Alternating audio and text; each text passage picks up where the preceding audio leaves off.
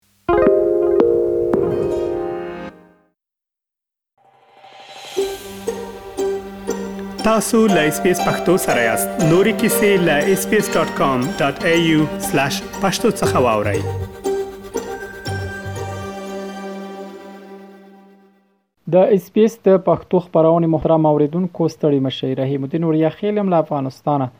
تاسو ته د افغانستان او سیمې د تیر یوې اونۍ مهمه پیښه وړاندې کوم هیله ده چې تر پایه مې ملتیا وکوي تیر اونۍ د وال سټریټ جورنال په نوم یوې امریکایي ورځپاڼې بهرنۍ هیوادونو کې د پخوانیو افغان چارواکو د شتمنیو په اړه یو راپور خپور کړ البته په دې راپور کې د افغانستان د تیر جمهوریت نظام د ملي امنیت پخوانی سلاکار حمدالله محب د بلخ پخوانی والی عطا محمد نور د ولسمشرۍ ماڼۍ لومړی مرستیال عبدالرشید دوستم د مالیې پخوانی وزیر اکلیل حکیمی او ځینو نورو چارواکو د شتمنیو په اړه جزئیات راغلي ول د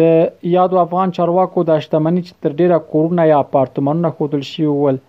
په متحده عربي اماراتو، امریکا، ترکیه او ځینې نورو هیوادونو کې اخیستل شوي دي. یادې ورځپاڼې د تیر جمهوریت نظام د ملي امنیت د سلاکار له قوله لیکلي ول چې د امریکا په فلوریډا ایالت کې د سمندر پر غاړه یو کور کې اوسېږي چې دا کور د نوموړي د خواخې په نامه دی همدارس د بلخ په خوانی والی عطا محمد نور په اړه راغلی ول چې د دوبۍ په یو ګران بیا سیمه کې یو اپارتمان لري او حالت میشت دی د ولسمشرۍ ماڼۍ د پخواني لومړي مرستیال عبدالرشید دوستم په اړه ریپورټ کې راغلي ول چې د ترکیې پلازمینه انقرې په یو ګرانبیه سیمه کې کور لري د مالیه د پخواني وزیر اکلیل حکیمي په اړه ریپورټ کې ویل شوي ول چې د امریکا په کلفورنیا ایالت کې چې په دې کې ځینې کورونه یې هغه مهال اخیستل شوي چې نوموړی وزیر و. په نورو چارواکو کې بیا د اقتصاد د پخواني وزیر مصطفی مستور او د افغانستان د مالیې وزارت د وروستي وزیر خالد پاینده نومونه هم راغلي ول چې په ترکیه او امریکا کې اپارتمانونه او کورونه لري د یادونې ده په تیرو شلو کلونو کې د افغانستان پر حکومت او لوړپوړو چارواکو بیا بیا فساد تورونه لګیدلي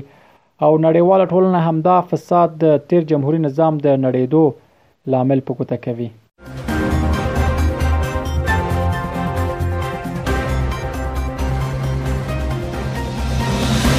تیره اونۍ د امریکا د هوایی ځواک یوې څېړنې وښوده چې تیر کال د باروړونکي سی 11 الوتکې عملې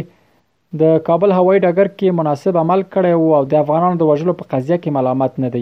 اسوشیټید پریس خبري اژانس د امریکا د هوایي ځواک په حواله وویل چې د الوتکې عمله له خرابېدونکي امنیتي حالت سره مخامخ شوې وه او د الوتکې د الوځولو لپاره یې مناسب قضاوت کړی و. کله چې تېر کال د اګست په پنځلس مه طالبان کابل ته ننوتل، په ټولنیزو رسنیو کې د دغې الوتکې انځورونه خپاره شول چې خلک یې په باډۍ کې سپاره ول خو له څو فوټه پورته کېدو څو شېبې وروسته دوه کسان له همدې الوتکې راولېدل او مړه شول. دغه الوتکه له کابل قطر ته د افغانانو د لېږد لپاره روانه وه. د یادونې ده چې د تېر اګست پر پنځلسمه تر هغه وروسته چې طالبانو کابل ونیو، زرګونه افغانان د کابل هوایي ډګر ته بهر ته د تګ په پار ځانونه ورسول. په دغه ترڅ کې امریکا له افغانستانه د همدې میاشتې تر یودېرسمه تر یو لک ډېر کسان وایستل خو زرګونه نور هغه افغانان چې غوښتل یې بهر ته لاړ شي له الوتکو پاتې شول.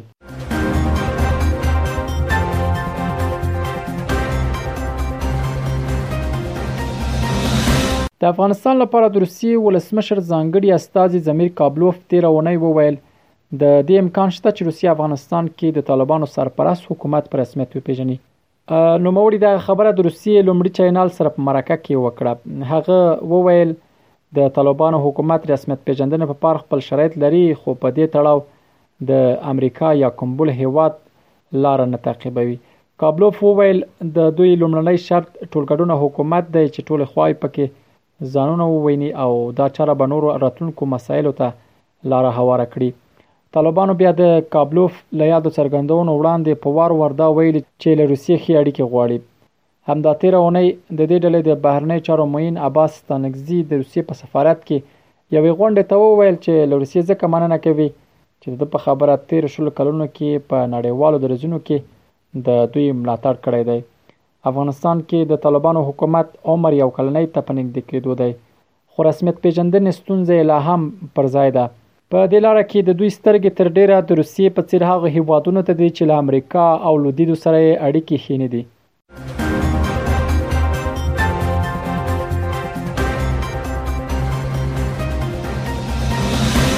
د ملګرو ملتونو د بشري حقوقو کمشنرې میشل باشلی د بشري حقوقو شورا په 50مه غونډه کې وویل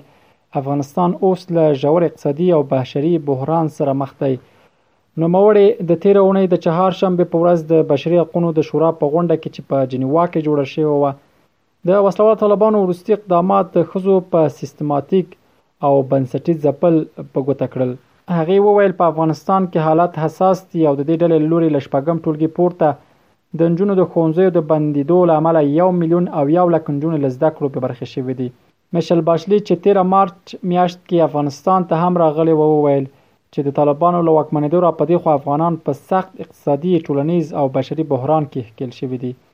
د ملګرو ملتونو د بشري حقوقو په شورا کې د افغانستان استاذ نصیر احمد اندیشه هم په دې ناسته کې پر طالبانو کلک نیوکه وکړي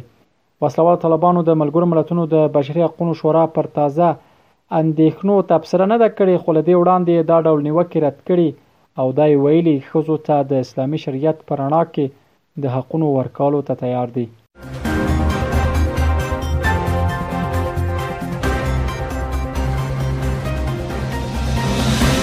په افغانستان کې د یوناما د مشرې په توګه د دیبرا لینس دنده تیر اونۍ په رسمي توګه پای ته ورسیده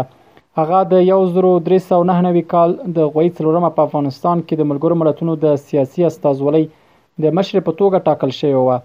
هغې د تیر اونۍ د پنځشنبه په ورځ د افغانستان له خلکو سره د مخخلیک کې وویل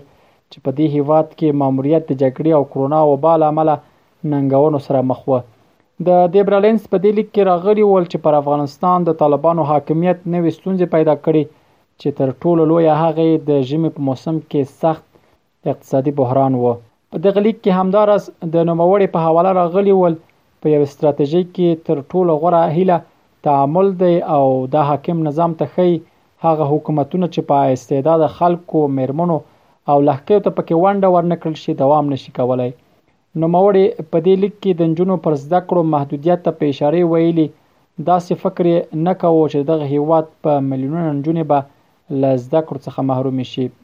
دیبرالنس یو کاناډايي ډیپلوماټه ده چې د افغانستان په ګډون په مختلفو هیوادونو کې د کار تجربه لري. میرمن لینس د 2013 او 2014 کلونو په موده کې په افغانستان کې د کاناډا سفیره وه او د یونما د نوې مشرې په توګه د ټاکل کیدو وړاندې یې په اسراییلو کې د کاناډا د سفیرې په توګه کار کاوه. دا ول د افغانستان او سیمې د تیرې یوې اونۍ مهمې پیښې چې ما تاسو ته وړاندې کړې. تر بیا ښې چارې. اس پی اس پختو په فیسبوک کې تا کې پلی مطلب یو فاک کړئ نظر ور کړئ او له نورو سره شریک کړئ